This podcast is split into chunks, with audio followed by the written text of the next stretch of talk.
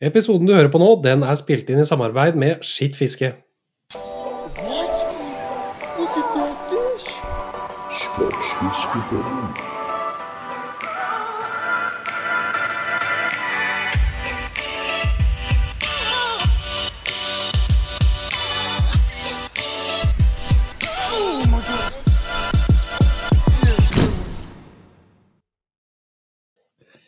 Jepsi pepsi, ny fiske- og podkastuke her i Sportsfiskepodden. er du med, Johan? Jeg er med, vet du. Så det Så bra.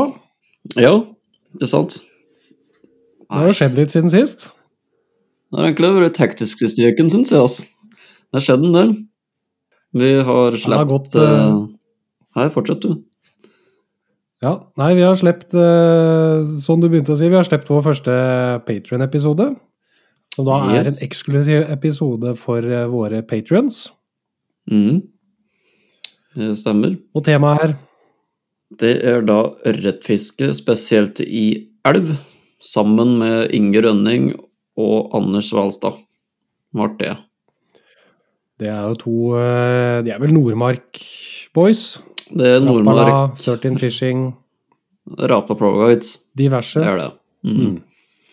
Og Så de er det- eh, gris, grisedyktige, altså. Ja, det er helt drøyt. Det er eh, Ja, jeg tenkte å spoile for mye, men ørreter fra 3 til 7 kilo de får flere i sesongen. og ja, De jobber for fisken, og de kommer med mye interessant uh, og tanker i den episoden. Så for en som er litt interessert i å kunne høre litt mer om det, den anbefales å sjekke innom det. Også. Sjekk innom der. Uh, linken til Patrion ligger i, på Instagrammen og Facebooken vår, så da kan du gå inn der. Mm. Det anbefaler vi å gjøre. Uh, ellers så har det jo vært uh, NSFL, Norwegian Stemmer. Sport Fishing League, som liksom har eh, knuga og gnukka og alt mulig rart i hundene våre de siste ukene. Altså. Det har vært et skikkelig kjør. Veldig. Og det har Stage one det var jo i Storsjøen, og det ble jo veldig krevende forhold nå i helga med stigende vann og temperaturer som datt i vannet og Det var litt uh, kvasse forhold, det var det. Vi fant vel egentlig Fikk dem ikke til å ta, helt rett og slett. Vi sleit litt. Ja, Nei, vi havna litt mellom barken og veden. Vi hadde jo veldig bra, bra prøvefisk, egentlig, og hadde en god plan, men eh, Ja, men vi visste jo òg at Det det kom litt til som å forandre seg mye i løpet av den der uka der, så det, men uansett så Mm. sleit vi jo generelt med å få den til å ta, for vi så jo veldig mye følgefisk. Så det Mm. Man ville ikke akkurat ha det som ble presentert, og det var begynte å være lek i Vikene, var det òg flere plasser. Så det tanken deres var ikke helt på føde, rett og slett. Så det Vi fikk lurt et par, da. Vi gjorde da det, men eh, det holdt ikke denne gangen. Nei, det gjorde ikke det. Men det, det virka som om de var, eh, var mest på G på, på formiddagen, altså. Ja, Eh, det var det. og når vi, de, når vi begynte å finne de plassene hvor det var fisk, så, så var de rett og slett skrudd av. Så som du sa, Johan, vi, vi fant jo masse gjedde, hadde mye følgefisk. Men eh, det hjelper ikke da når man ikke får det til å ta. Nei. Så det Nei, ja, men slik ble det denne gangen, så det Får bare bite sammen tennene og så være oppe og nikke på, på neste, tenker jeg. Ja. Og neste stage da, det blir jo, blir jo Hemnessjøen. Eh, en sjø som er veldig kjent for mye fisk, eh, og kanskje litt mindre gjedde, så der blir jo eh, Vi møter nok mer stabile forhold, tror jeg. Mer forutsigbare forhold, så jeg tror eh, hovedutfordringen der blir rett og slett å finne de plassene som leverer større fisk. Ja. Vi veit jo at en del av våre konkurrenter er eh, lommekjent i sjøen der, så det Nei, ja, det er noen som eh, stiller med veldig sterke kort utpå der også. Det er det. Men vi skal ikke bruke det som noen unnskyldning. Vi Nei, ja. skal gønne på å kjøre vårt eget løp. Ja. Men ellers som arrangementet, da? Hva syns du? Jeg syns det var veldig, veldig bra gjennomført ja, til å være første Ja, det var jo liksom første prøva, og det ned her, og alt gikk smooth, og appen og innmeldinger funker som det skulle, og Så det er inntrykk av at alle egentlig var eh, fornøyd med snart gjennomført. og ryddig. Ja.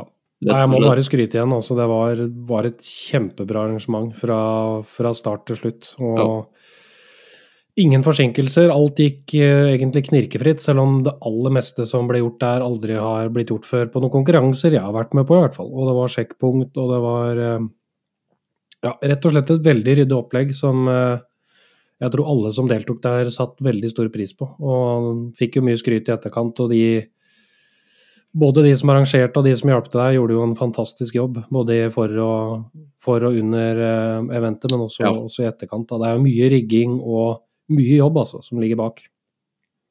Ja, uten tvil. Så det så, så var det òg artig med det at eh, de som ikke er med på konkurransen, fortsatt kan følge med på hva som skjer.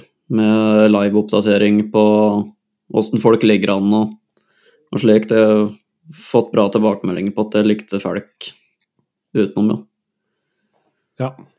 Så det kan du også nei, følge med på. Så veldig Ja, så det enkleste er vel egentlig bare å laste ned appen deres, tror jeg. Mm. Den er nok eh, mest eh, stabil. Ja. Uh, Gå inn på nsfl.no, så finner du mer info om det. ja, det finner du alt. Og de har, de har jo også en Instagram og en Facebook-side, og også en YouTube-kanal som du kan gå inn og følge med på der. Og så oppdateres det jevnlig. På Instagram så legges det ut stories og bilder og oppdateringer underveis.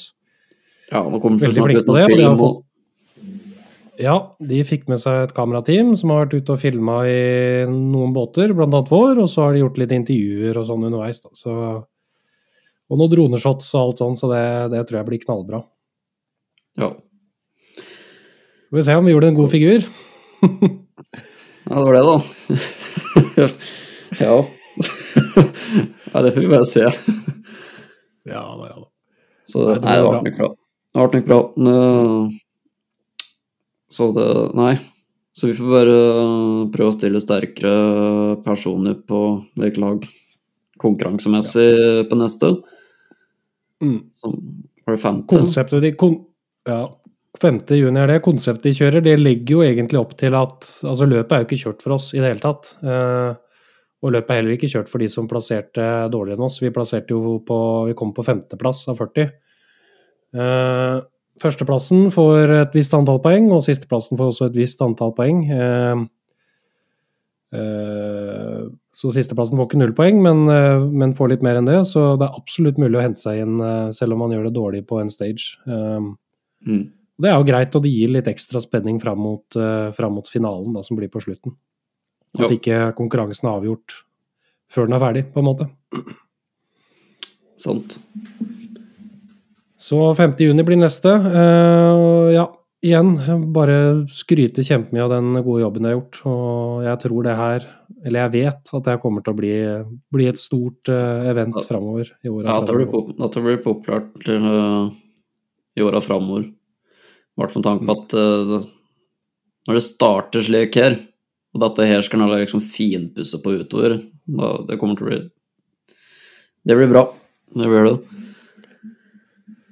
Yes, Så men så er det jo til en eh, kuriositet i dag, da. Ja. Da, En liten kul episode, syns jeg, da. det blir det. Så dette blir jo helt annet tema enn det vi prater om nå. Så vi kan vel egentlig bare kjøre i gang med dagens gjest. Og tema fluefiske etter karpe. no, no, no, no. Oi! Velkommen til dagens gjest. For å si det sånn, jeg lover å Jeg sier ikke hvor mye bedre, men eh, bedre i hvert fall. Og i dag har vi da med oss uh, dagens gjest på dette litt, kanskje litt spesielle temaet. Og han heter da Simen Blix. God dag. God dag, god dag. Velkommen, Simen. jeg fikk eh, være med. Det setter jeg veldig veldig stor pris på. Helt, helt konge.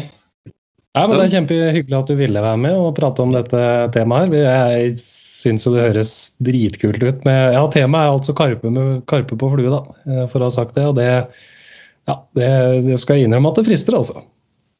Ja, det En særegen ny eh, metode for en eh, nordmann, i hvert fall. Etter, etter kar, karpefiskinga. Men før vi liksom setter oss litt mer inn i det, kanskje du kunne fortelle litt om deg sjøl? Åssen du begynte å fiske? Ja, med glede. Nei, altså Simen Blix heter nå jeg. Akkurat uh, fylt uh, det berømte 30 år. Uh, fiske for meg det starta egentlig ganske uortodokst, som kanskje passer inn i hva jeg holder på med nå. Men det starta Jeg hadde en eh, familiehytte i Østfold, så mitt fiske det, det starta faktisk rundt eh, brakkvannsfiske i Østfold. Så en av mine første fisker før både abbor og ørret på dupp, det var faktisk vedebuk i, eh, ja, i brakt saltvann. Eh, abbor, sik, sjøørret. Ja, hadde en liten lekegrind eh, fra bryggekanten der, altså, så jeg starta kanskje litt uortodokst sånn sett. Eh, og det starta jo egentlig Egentlig så starta jeg med fluefiske. Det- Fra scratch. Jeg hadde en fetter som eh, donerte meg en fluestang og noen fluebokser da jeg var eh, åtte år gammel. Og da starta jeg bare den vanskelige veien. Sto i hagen og tørrtrente og, og fiska alle disse forskjellige karpefiskene og litt sånn i dette brakkvannsbassenget nede på Hvaler i Østfold. Så jeg har jo fått eh, karpefisk, i hvert fall, med inni morsmelka. Men eh, det gled jo gradvis over til eh, litt mer tradisjonelt ørretfiske med flue. Havna i litt sånn ørretmiljø og styra med det i, mange år. Så bakgrunnen som sportsfisker er vel kanskje ørretfiske med flue. Det er det jeg har gjort uten tvil mest. Men det har liksom alltid ligget litt sånn i bakhodet at jeg liker å fiske etter andre arter også. Det er jo så fantastisk mange spennende arter som kan tas på flue. Eh, Så jeg har på en måte med årene som har gått, spesialisert meg litt på, på fluefiske etter andre arter enn ørret og laks. da. Eh, Litt gjeddefiske, som dere kjenner godt. Jeg er jo absolutt ingen gjedderøver, men eh, jeg har da tatt litt, litt gjedde på flue. har jeg absolutt eh, fiska, og verdsetter veldig det vårfisket på disse flatsa med, med flue. Det syns jeg er fantastisk. Så ja, totalt sett bakgrunnen er vel egentlig at jeg starta uortodokst, og er like uortodoks i dag. Ja. Ja. Nei, det, er ko det koselig å høre at det er noen andre også som går fra sånn eh, ørretnerd til å utvide horisonten mer. Altså. Det er ja, artig at, at man tar den retningen der. Det er jo ofte, Man får inntrykk, alltid inntrykk av at det er andre veien, men eh, det er sannelig ikke sant. altså. Nei, det er jo Ja, nei. Det er eh, Som sagt, det er så mange fine sportsfiskearter at eh, Hva skal man si? Som uh, karpemiljøet i USA sier, livet er for kort til å fiske ørret. Det er bra uttak. fra, fra spøk til alvor så er jeg absolutt ingen uh, motstander av ørretfiske. Og ørretfiske har jo absolutt sin sjarm, men eh, ja. Jeg personlig ja, har havna på en litt annen, et litt annet spor enn det. Hva er det som egentlig gjorde at du rett og slett eh, ble så hekta på akkurat fluefiske etter karpe?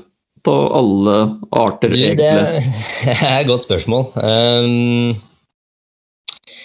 det starta vel egentlig med altså Karpe har alltid vært i, for meg en art som jeg vet finnes i Norge, men som jeg egentlig aldri har skjønt hvor er, og hvordan du egentlig fisker den. Og når du leser om karpefiske, så får du inntrykk av at det her er jo superkomplisert. Her må det jo nappalarmer og boilies og Bivis og eh, målebånd i alle retninger og lita båt som du kjører agnet ut på en nøye lokalitet i tjernet. Så fant jeg vel egentlig ut at så komplisert trenger det ikke være. Karpe er jo en fisk som alle andre. Spiser insekter, spiser småfisk.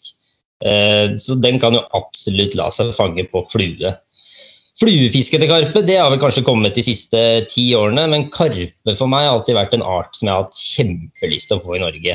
Eh, Men det har sittet litt langt inne for meg å sette meg ned med fullt opprigning på f.eks. Ulsrudvann, som er et av de få vannene i eh, Oslo-området du kan fiske karpe, men der snakkes det om at Altså, det er jo et hardt pressa vann i forhold til hva et hardt press Altså fiskepresset da, etter karpe på Ulsrudvann er ganske stor, da. Så det er ikke noe sted du nevneverdig får mange fisk på flue. Der er det mer tradisjonelt fiske som må til. Eh, Men så kom jeg over eh, disse dammene. Jeg leier jo et par eh, ja, private isdammer på Nærsnes. Som jeg har tatt over leien av. Der har det jo vært siden 1980 en egen karpeforening som har liksom hatt dette som sine karpevann, og det har vært, kall det legit da, å fiske karpe der. Det har liksom vært godtatt som et eh, populært karpevann, og det har jo kommet artsfiskere fra nært og fjernt og fiska, så det har alltid vært et godt miljø rundt dette vannet. Og det vannet er kanskje et av de ypperste vannene i Norge for å fiske karpe med flue. De har absolutt alle kriterier som du trenger. Det er klart vann, det er grunt vann, og fisken er fullt spottbar. Du går og dapper nymfer på de, eller fisker tørt på de, avhengig av hva de spiser, men det er det er uten tvil et skikkelig fint fluevann altså, etter Karpe. Og så har det egentlig bare balla på seg eh, fra dag én, kan du si. Så det er veldig Nei. spennende vann. Høres jo litt ut som noen skikkelig indianerfiske. da, Snike seg innpå, og du sier som spotte de, og liksom Du fisker jo kanskje mest på fisk du ser. Utelukkende. Det er, og det er karpefiske med flue. Det er utelukkende spottefiske. For det er en fisk som du må, du må se bevegelsen og hva den fisken gjør for å ha en viss formening om hvordan den flua skal presenteres. Eh, blindfiske til karpe det funker kanskje i andre steder i Europa, som har enorme tettheter av karpe. Eh, men i Norge så er det jo ja, de, Selv i disse damene hos meg, som har en tett bestand av karpe, de har fortsatt ikke en så tett bestand at du kan blindfiske de. Du er helt avhengig av å se de, eh, uten tvil. Kult. Nei, det høres jo dritartig ut. Ja, Sånn, altså. og det er jo for så vidt, jeg kan jo legge til at eh, første gang jeg hørte om en fluefiska karpe i Norge, det var når jeg satt eh, på PC-en og undersøkte sportsfiskerekorder på flue. Da fant jeg ut at det var en kar i 1978 som tok eh, norsk fluerekord på karpe, og den står i dag, og den veier 600 gram. Ja. Du har slått noen, noen ganger, da. Ja, jeg har ikke meldt inn. eh, Jeg syns han fortjener faktisk å stå eh, Han som i 1978 gikk i Norge med fluestang spesifikt etter Karpe, han har jeg stor for. Han, eh, han skulle jeg likt å møtt. Han er vel egentlig han jeg kan takke den dag i dag for at jeg har starta med det jeg har gjort. på en måte. Jeg syns det var helt sinnssykt fascinerende å se at det faktisk var, var mulig, og at det var en norsk rekord av Karpe på flue det var bare det helt mind-blowing. Det syns jeg var dødsrått. Så jeg tok på en måte bare over hans spor, følte jeg. Så nå Ja, nei, han skal få lov til å ha den rekorden. Ja, absolutt. Du har gjort deg gjeldende som eh, ja, Du er vel kanskje den som jeg tenker på, i hvert fall, når det er snakk om fluefiske til karpe, og sikkert mange andre òg. Du er jo liksom den, som, den fluekarpeguruen, kanskje, om man kan kalle det det. Ja, man kan kanskje kalle det det. Det er vel kanskje ikke så vanskelig å bli en karpeflueguru i Norge. Det er ikke mange av oss. Jeg har vel konvertert et par kamerater, men det er vel stort sett det. Når det er sagt, så, så Jeg guider jo som sagt i disse Nærsnes-dammene, disse Bårdsrud-dammene, som det heter på Nærsnes. Og der er det ikke noe der er jeg like glad i å guide folk som har lyst til å meite og kjøre tradisjonelt fiske, men jeg skal vel ærlig innrømme at det er en liten jeg, lik, jeg liker meg ekstra godt når det er noen med fluestang som kommer, fordi da føler jeg at jeg virkelig kan få vist hvor sinnssykt kult det, det, altså karpe er som en flueart. da. Mm. Og der er det ymse. Noen har jo lest mye om karpe og tenker at dette her er dødskult. Andre er jo erkeklassiske ørretfiskere eh, som bare liksom Ja, ja, det, vi hadde ikke noe bedre å gjøre på en eh, lørdagskveld, liksom. Men alle eh, kommer derfra med stjerner i øya og liksom Oi, dæven, det var jo ikke bare en forvokst brasme, dette her. Ikke sant? Folk tror jo med- basically at karpe er bare en svær eh, mort. Eh, det er jo ikke tilfellet. Det er jo en av de altså utseendemessig en av de vakreste fiskene, spør du meg, i Norge. Men uh, fight-messig, så i ferskvann med fluestang, så er det ikke mange arter som kan eh, by på like mye sus i serken altså, som en karpe. Det er, eh, det er backing-ekspressen, kaller man jo karpa. du får se mye backing i løpet av et år. Mye mer enn det jeg har gjort eh, de siste ti årene med, med tørrfluestanga i hånda, for å si det sånn. Ja, jeg har sett noen av de videoene. Det raser bra på, altså. Det gjør det. Det er noen såre tomler og litt sånn i løpet av en, eh, en dag med karpefiske. Altså, det er ingen tvil. Det er, eh, det er veldig fascinerende. Og det er alltid noe nytt å lære. Er, karpe er en uh, egenrådig fisk. Det er liksom Altså, fisk er fisk, du kan jo ikke stille etter klokka etter det, men karpe er, altså, den er veldig egenrådig. Hvis den har bestemt seg for å sole seg en hel dag, så gjør den det. og Du må være veldig Du må treffe ekstremt på forholdene for å få de der feeding frenzy, da, når man virkelig bare ser én vei og er enspora på mat. Det, de dagene de kan du telle på en hånd omtrent. Det er, det er, det er vanskelig fiske, men det er ditto svært givende når du får det til. Mm. Jeg har lyst til å spørre deg kjapt, eh, siden du var inne på den guidinga. Eh, kreves det at du har fiska mye med flue, eller kan du komme der som en litt sånn nybegynner? For som prøve. Slik som Johan. Altså, det, er- det er et godt spørsmål, og det Det er egentlig det, er det som er litt fascinerende med karpefiske med flue, at det er egentlig ikke så mye kasting. Det er mye altså Du har to metoder. Du har Én så er det tørrfluefiske, og da, da er det jo selvfølgelig greit å kunne kaste noen meter, men der er det jo du har et vak å forholde deg til, og du kaster i et område hvor karpene går de patruljerer mye, de går i stimer og er i overflata. og så på en måte Så lenge du treffer eh, sonen de går i, og du har riktig flue, så er det egentlig ikke noe hokus pokus. Da er det mer eh, å ha is i magen, vente på at den tar, og så smeller det. Nymfefiske til karpe, det er eh, noe litt annet. Der har du noe som heter eh, drag and drop, som er en teknikk fra USA, hvor du egentlig da skal se karpa komme svømmende, krusende, spisende, presentere nymfa faktisk da forbi karpa og trekke nymfa inn i synsfeltet og la den droppe ned i det de kaller for the dinner plate. Altså det skal være innenfor en middagstallerken. at når karpa går ned på bånn og spiser, så har den ekstremt begrensa altså Vinkelen på synet på karpa da er så snevra ned mot bånn at du må treffe perfekt innenfor denne lille sonen uten at den flua skal virke unaturlig for den karpa. Så alt må liksom stemme. Derav at du må se fisken før det, før det presenteres, for da ser du karpas reaksjon. Og ditto så kan du også da justere nymfas bevegelser og osv. Men det er, selv for meg som har fiska nå karpe med flue i ja, altså rundt ti år, det er mer bom enn altså mer stang ut enn stang inn, da, for å si det sånn, selv den dag i dag. Så det er, det er et vanskelig fiske, men det er ikke noe som det, er ikke noe, det krever ikke at du er verdensmester i casting eller at du har 900 forskjellige nymfer i boksen. Fiske i seg selv er ganske greit. Det er mer at karpe er var, sky, selektiv. Den, er, eh, den veit hvor skapet skal stå, kan du si. Så, men konklusjonen er vel du trenger ikke å være eh, verdensmester i noe som helst. Det er, eh, mulighetene er mange. og det er jo det som er veldig fint med disse dammene hos meg, er at det er, det er mye fisk. Du får mange sjanser i løpet av en dag. Og det er vel det som til syvende og sist gjør at, at det er såpass bra. Du får liksom gjentatte sjanser. Du kan lære av dine feil. Eh, Jo, det er håp, altså, med andre ord. hva sa du? Ja, det er håp. Det er veldig håp. Absolutt. Men Jeg- uh, sesongen, den er jo Du har jo starta den for en stund siden, alt, egentlig, har jeg skjønt. Åssen er det i forhold til årstider? eh, Hva burde den forholde seg til? Nei, altså Hvis jeg skulle starta med karpefluefiske, så hadde jeg gjort det i de varmere månedene. Altså typ fra juni, overgangen mai-juni, til eh, september. Og så har du liksom ytterpunktene. Du har april, kan du treffe noen dager der. Samme med oktober, du kan treffe noen dager der.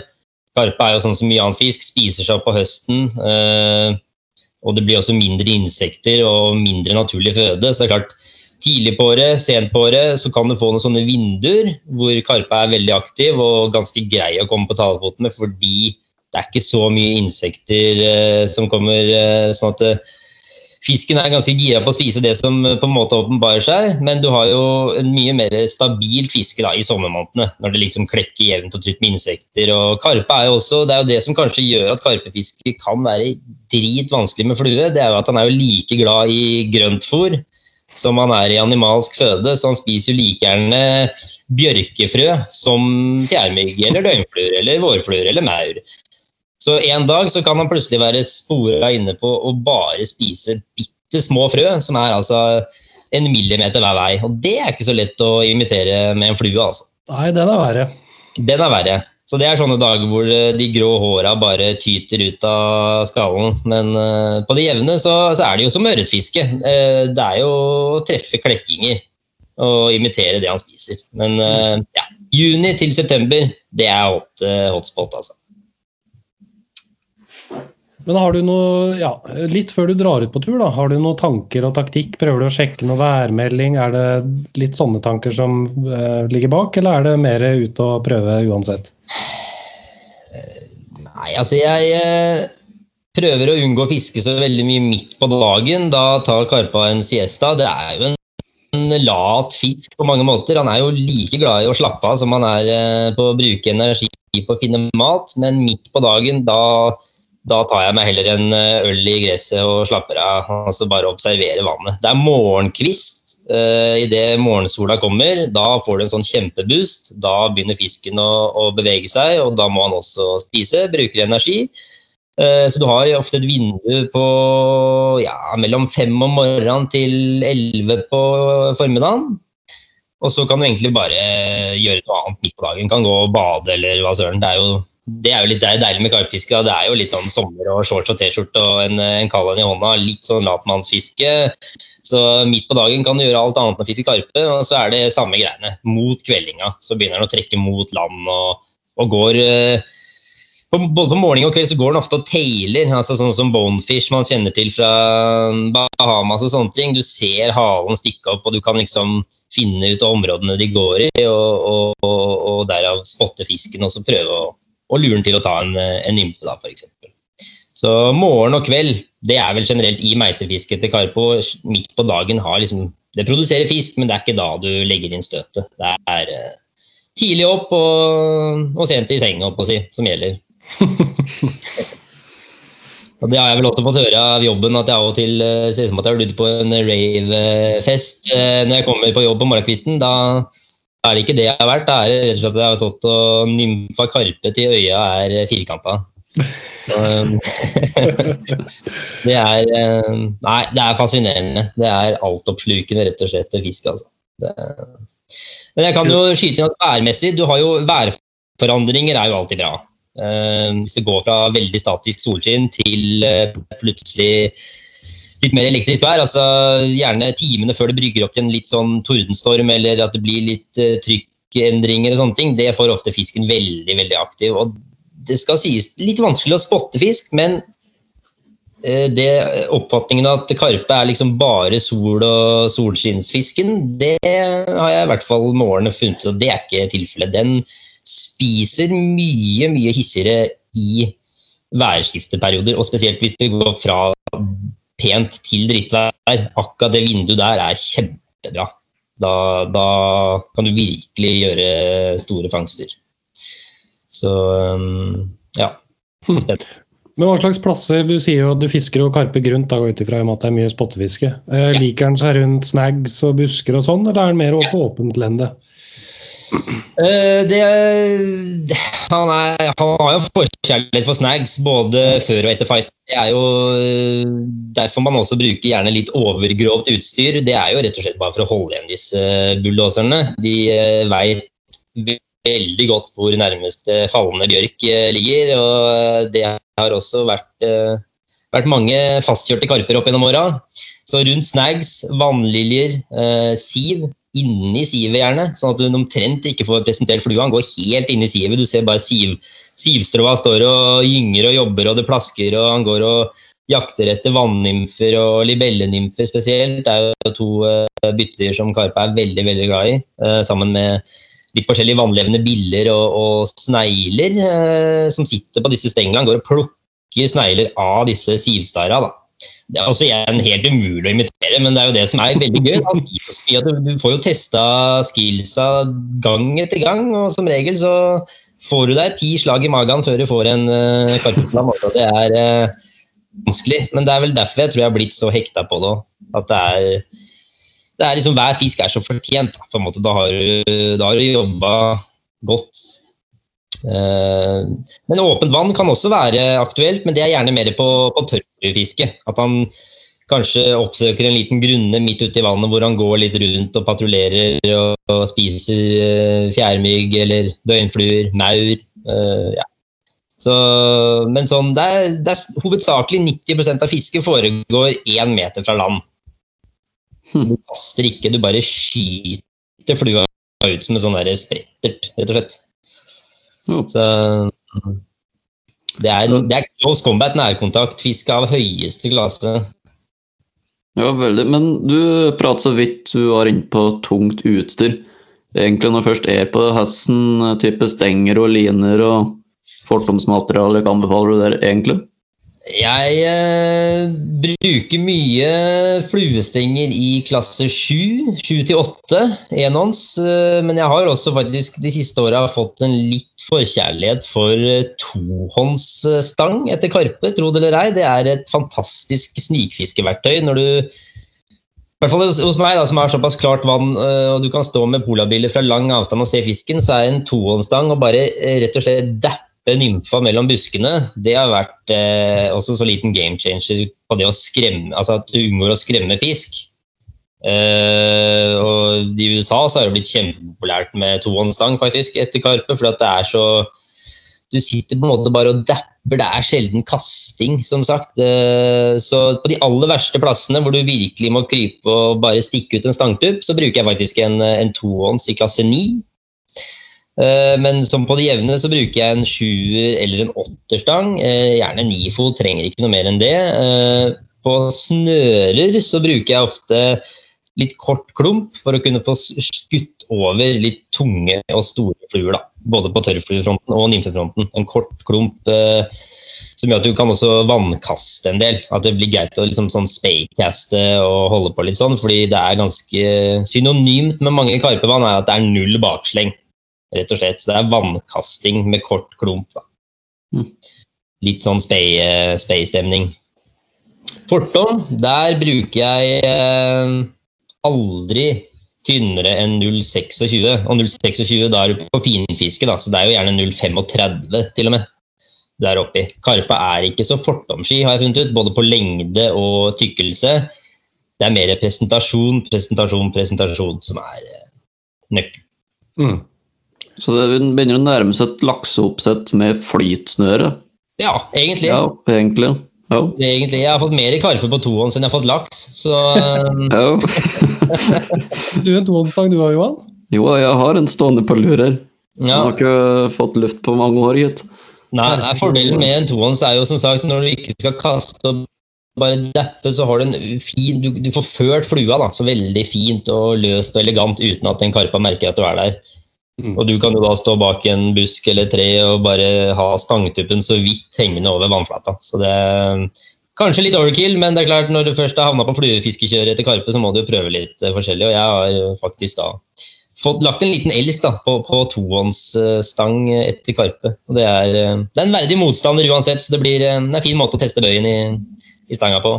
Ja, ja. Men det er jo sikkert en fordel med å kunne holde fisken ute av snags og sånn òg. Styre den litt mer men Uten tvil. Det er jo, det symboliserer si, Det sklir jo litt over i meitestengene på karpe. De er jo ofte bra mengde fot. altså Det er jo alt fra en eh, 12 til 14 fot, eh, gjerne. Og det er jo, som du sier, at eh, ofte så er det rett og slett bare for å kunne vinkle stanga, legge den utenfor snags, eh, få lagt sidepress i tide. For at eh, den karpa den, er, den merker med en gang du ikke presser, så ser den sitt snitt til å gjøre alskens rariteter. Da. Det er fem ganger rundt en bjørk og opp, under, ned og inn i ei beverhytte. og Det er liksom bare helt sånn der Hva den får til med litt slack i lina, det er helt utrolig. altså. Så den, eh, De kjenner disse vannene sine godt, de veit hvor nærmeste gjemmested er. så Det er litt sånn eh, for fiskevelferdens del òg, og det er på en måte å, å ha muligheten til å, til å la den ikke sette seg fast, for det blir så mye det blir så mye kødd. Og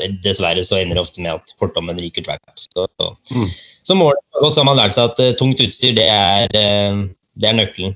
Og det er uh, Som sagt, det, jeg har prøvd med femmerstenger og sånn, men det er bare Det er rett og slett idioti. Det, det, det blir for Det er for spagetti.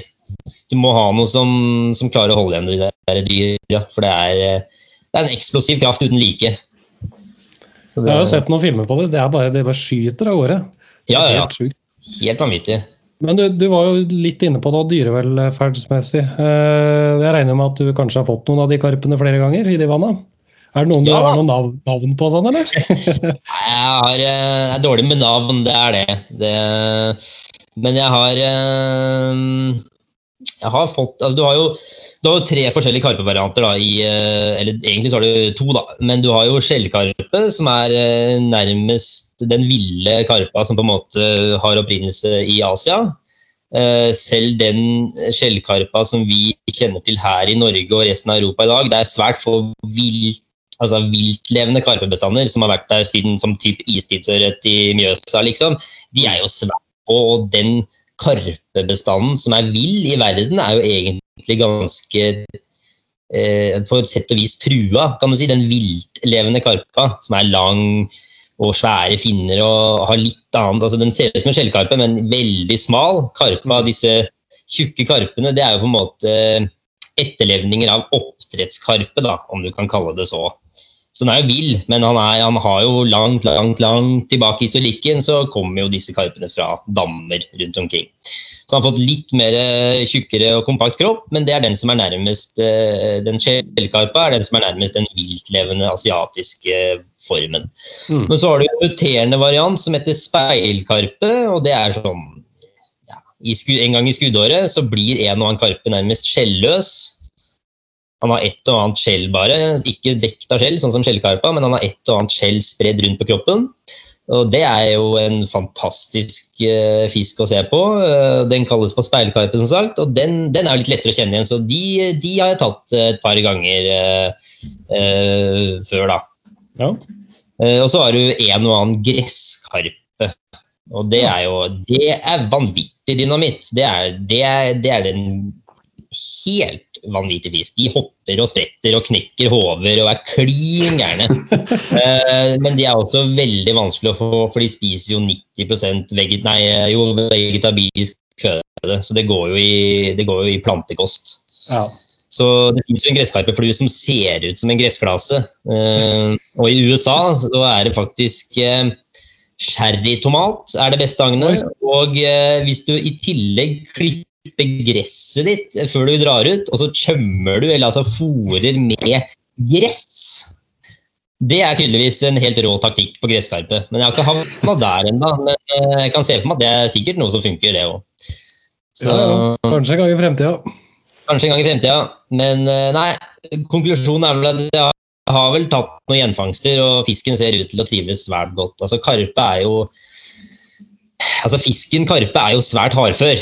Det er jo en av de mest hardføre fiskene som er. Han kan jo leve i nærmest eh, oksygentomme vann, og kan jo snappe luft i overflata, akkurat som en tarpen f.eks. Og han tåler jo forferdelig mye. Eh, så, men selvfølgelig behandler karpene pent, men det at eh, de overlever gjenutsetning, det er 100% De har 100% gjenover, altså, eh, overlevelsesrate på, på catch and release. Det er eh, en fisk som egner seg i så måte, om du kan kalle det så. Da. Eh, Mm. Som en catch and release-basert. Uh, drar ikke Ja, altså det virker som at uh, sår og alt gror. Jeg har sett en karpe som har vært angrepet av mink, som knapt hadde skalle igjen. Altså Halve skallen var uh, revet bort. Og der var det bare et svært arr. Så he- så ut som eh, ja, Hva skal man egentlig sammenligne med? Gudene veit. En uh, forferdelig beist. Men han spiste og koste seg. Han tok flua så det sang. Og da får jeg i hvert fall uh, ro nok i sjela til å vite at eh, det, det lille avtrykket jeg setter igjen i en karpe, det, det tåler han veldig bra. Men selvfølgelig, som annen fisk, catch and release, det, er jo, det skal foregå, foregå på riktig måte. Våte hender og holde fisken. Nå har jeg blitt veldig obs på på en måte Nå tar jeg knapt nok karpen ut av vannet lenger. Det er på en måte Mm. bare takk og farvel. Ja. Og de svømmer alltid like fornøyd ut igjen. Så det, der har jeg faktisk der har jeg god samvittighet. Mm. Kult. Men uh, bare litt tilbake, det tror jeg jeg glemte å spørre om. Uh, flueboksen din, hvordan ser den ut? Binder du fluer sjøl, eller kjøper du fra statene, eller uh, hvor, hvor henter du inspirasjonen fra? Karpefluer i Norge, det er, ikke, det er ikke så lett å få tak i. Og Nei. jeg skal vel ærlig med at jeg har litt pølsefingre, det har jeg alltid hatt. Så jeg er ikke en ram kar på å binde fluer. Eh, Så jeg har, eh, jeg har et par kompiser som er flinke til å binde fluer, som har fått en del sære oppdrag i nattens mulm og mørke. Kan du binde en eh, imitasjon av noe frø? Har du mulighet til å binde noe gressimitasjon? Hvordan kan du på best mulig måte binde et mais Korn. det er eh, mange rare flueforespørsler fra meg sikkert opp gjennom åra.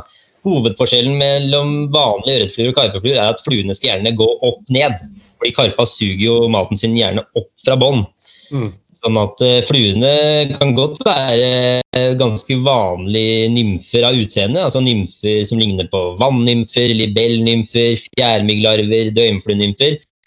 De skal gjerne ha kroken opp ned og bundet sånn upside down. Da, sånn at når karpa suger inn flua, så er kroken på en måte det første som, som treffer ganen på karpa, for han er så utrolig rask til å spytte ut flua igjen. Mm.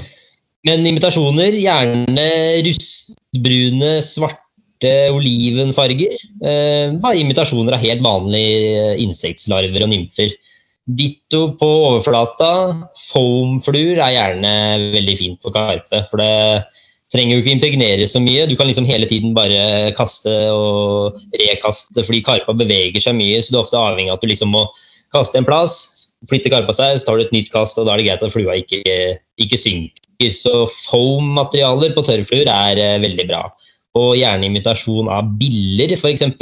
Noen fluefiskere som hører på, kjenner kanskje til flua Chernobyl Ant, som egentlig bare er et svært, eh, svær imitasjon av gudene veit, med foam og gummibein.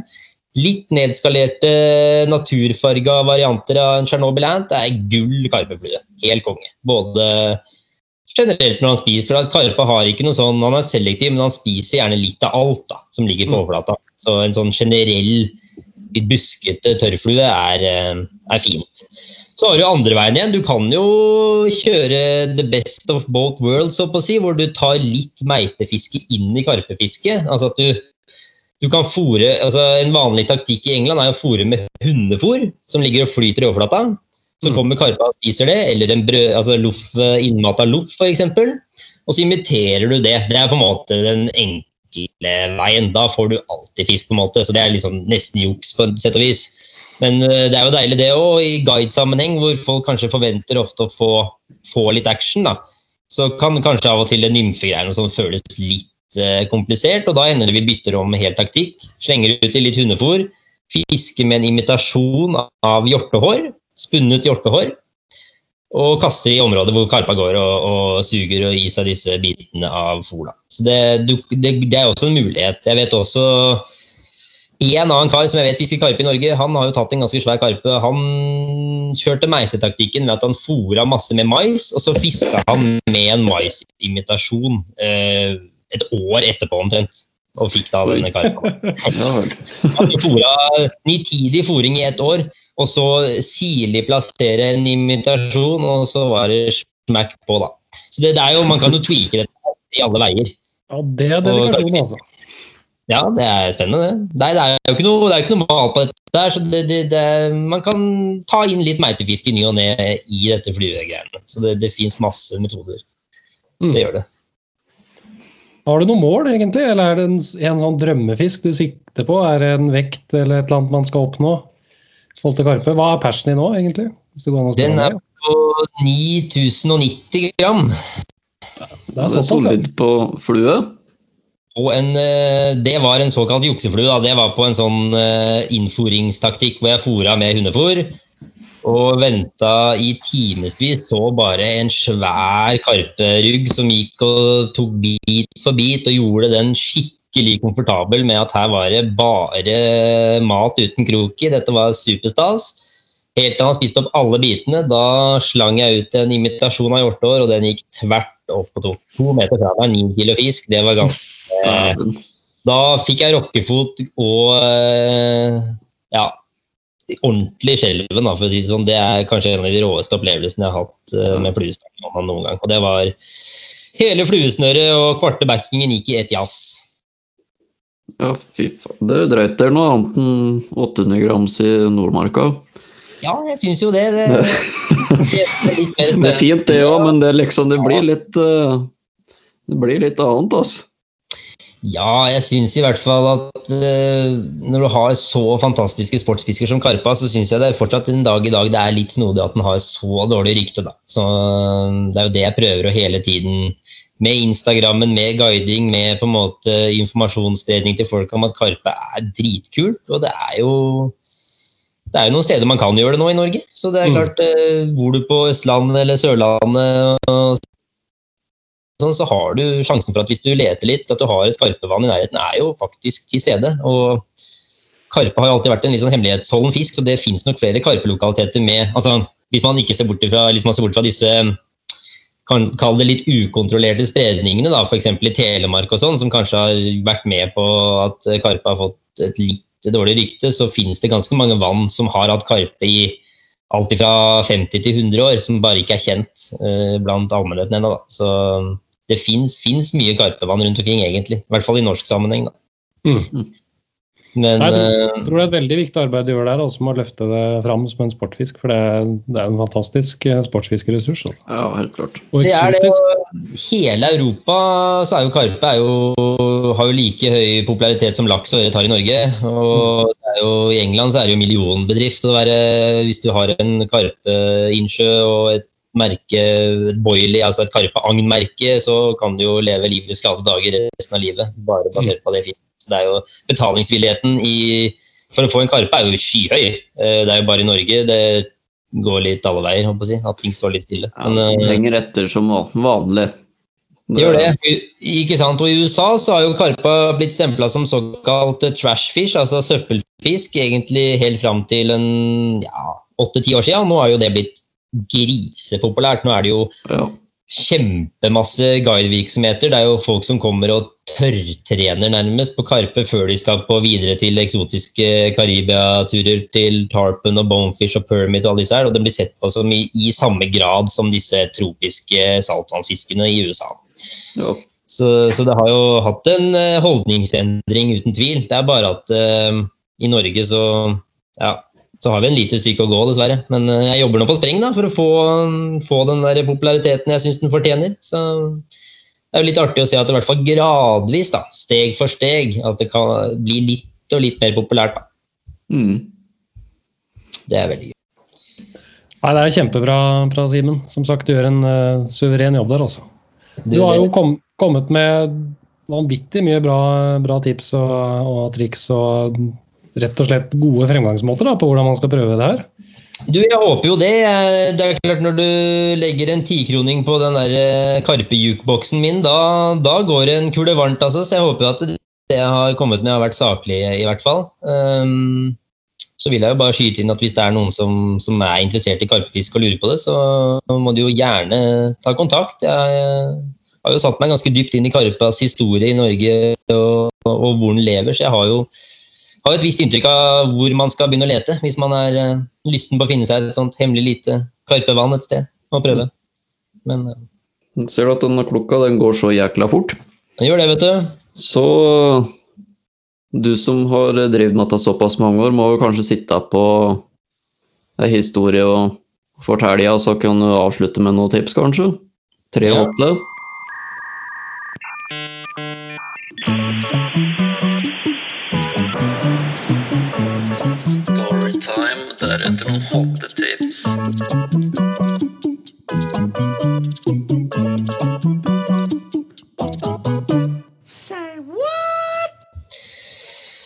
Ja, en liten fiskeskrøne, ja. Nei, eh, det finnes jo noen av de. Ja, mest mulig ljug, det er den beste. Mest mulig ljug er det beste, ja. Ja. Ja, nei, jeg, har jo det er klart eh, opp gjennom åra, så det, det hender jo jeg ligger eh, overnatter da, ved disse karpevannene, og, og da klart at du kan jo ikke fiske med flue døgnet rundt, så det hender jo jeg trekker fram bare for å liksom få litt feelingen av det tradisjonelle karpefisket, og så har jeg jo et par sånne nappalarmer og litt sånn eh, utstyr til, til statisk meitefiske etter karpe, da, hvor du fòrer dem inn og sånn. Så hadde jeg jo da eh, satt ut stang og liksom begynt å gjøre meg klar for kvelden. da, Og hadde vel akkurat kommet meg inn i, i teltet og lagt meg. Og så syns jeg hører noe rasling utafor, da. Og da tar jeg og sklir huet ut av teltåpninga, da, så ser jeg at stanga mi den er eh, den er på god vei den ute i sjøen, for jeg har jo glemt å skru på baitrunneren, så her er jo alt bare klin låst fast. Um, og før jeg egentlig rekker å gjøre noe som helst, så tar altså stanga mi en en sinnssyk koldbøtte hvor han slår ring, lina slår ring om nappalarmen, så hele bruket mitt, stang med nappalarm, går bare rett opp som en Polaris-rakett, tvert ut i sjøen og forsvinner. Og den stanga med nappalarm, den ligger fortsatt ute i sjøen. Ja, det, ja, det, det er jo Vi har jo drevet med gjeddemeiting og slik, så det, ja. det er fort gjort å komme i den blemma der. Ja, Men du husker den fra nå, da? Det gjør jeg. Eh, Det, det, det var ganske, altså, de som eventuelt så meg da, må ha trodd at jeg var klin gæren. Sto der i, i bokser og gummistøvler og lurte på hvor stanga mi var blitt av. Og den, ja, som sagt, det, jeg har aldri sett en stang fly, men det, det har jeg gjort. eh, Det gjorde jeg den kvelden, i hvert fall. Så, nei, baitrunneren, den, eh, det er det første jeg skrur på når jeg meiter karpe fra nå, fall. Det er det ingen tvil om. Så, et, dette var i fjor, så jeg har planlagt å gjøre et utvida søk med dykkeutstyr eh, nå etter hvert. Men eh, det er klart, den er nok eh, godt begravd i mudder og gress, dessverre. Ja, det er ikke noen mulighet, det. Det er en mulighet. Så tre gode tips til slutt. Er det, hvis det er tre ting du vil oppsummere med som liksom er eh, Dette er det skitt. Hva som helst. I eh, karpefiskesammenheng Ja, eller noe annet, hvis du har noe fint å komme med. Jeg, vel, jeg har vel blitt en så karpebom så at eh, det er vel, får vel komme med noen karpetips da, når jeg først har vært så heldig å fått en karpeepisode her. Eh, Ja. Skal du fiske karpe med flue, det første du må ha, er i hvert fall et stykke med solide polaroidbriller. Det er liksom, altså, uten det så er du helt naken. Som sagt, dette er et spottefiske som er eh, altså, finesse-spottefiske, så du er nødt til å kunne se det du holder på med. Så polabriller, det er, det er første ting i fisketaska hvis du skal fiske karpe med plue, uten tvil. Så er det vel eh, å ikke være sky for å stå tidlig opp om morgenen. da. Eh, som sagt, Det er da karpa syns det er morsomst å holde på inn i steinrøysa og er mest mottagelig for en flue. Så still gjerne klokka på 04.30 og kom deg til innsjøen. Deilig. Ja. Og så er det is i magen, tålmodighet og ikke la deg prelle på at du har mye motgang. Karpefiske med flue er egentlig 90% motgang.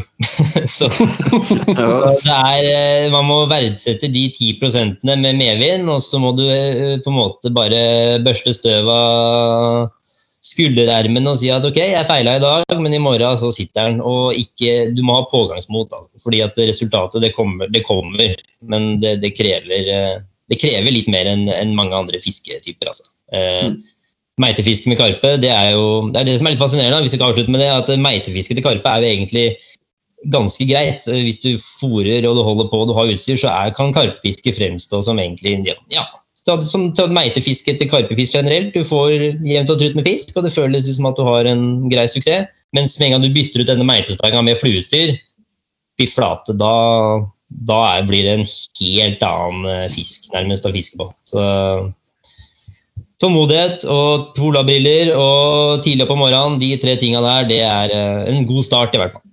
Ja. Ja, faen at det var kjempe.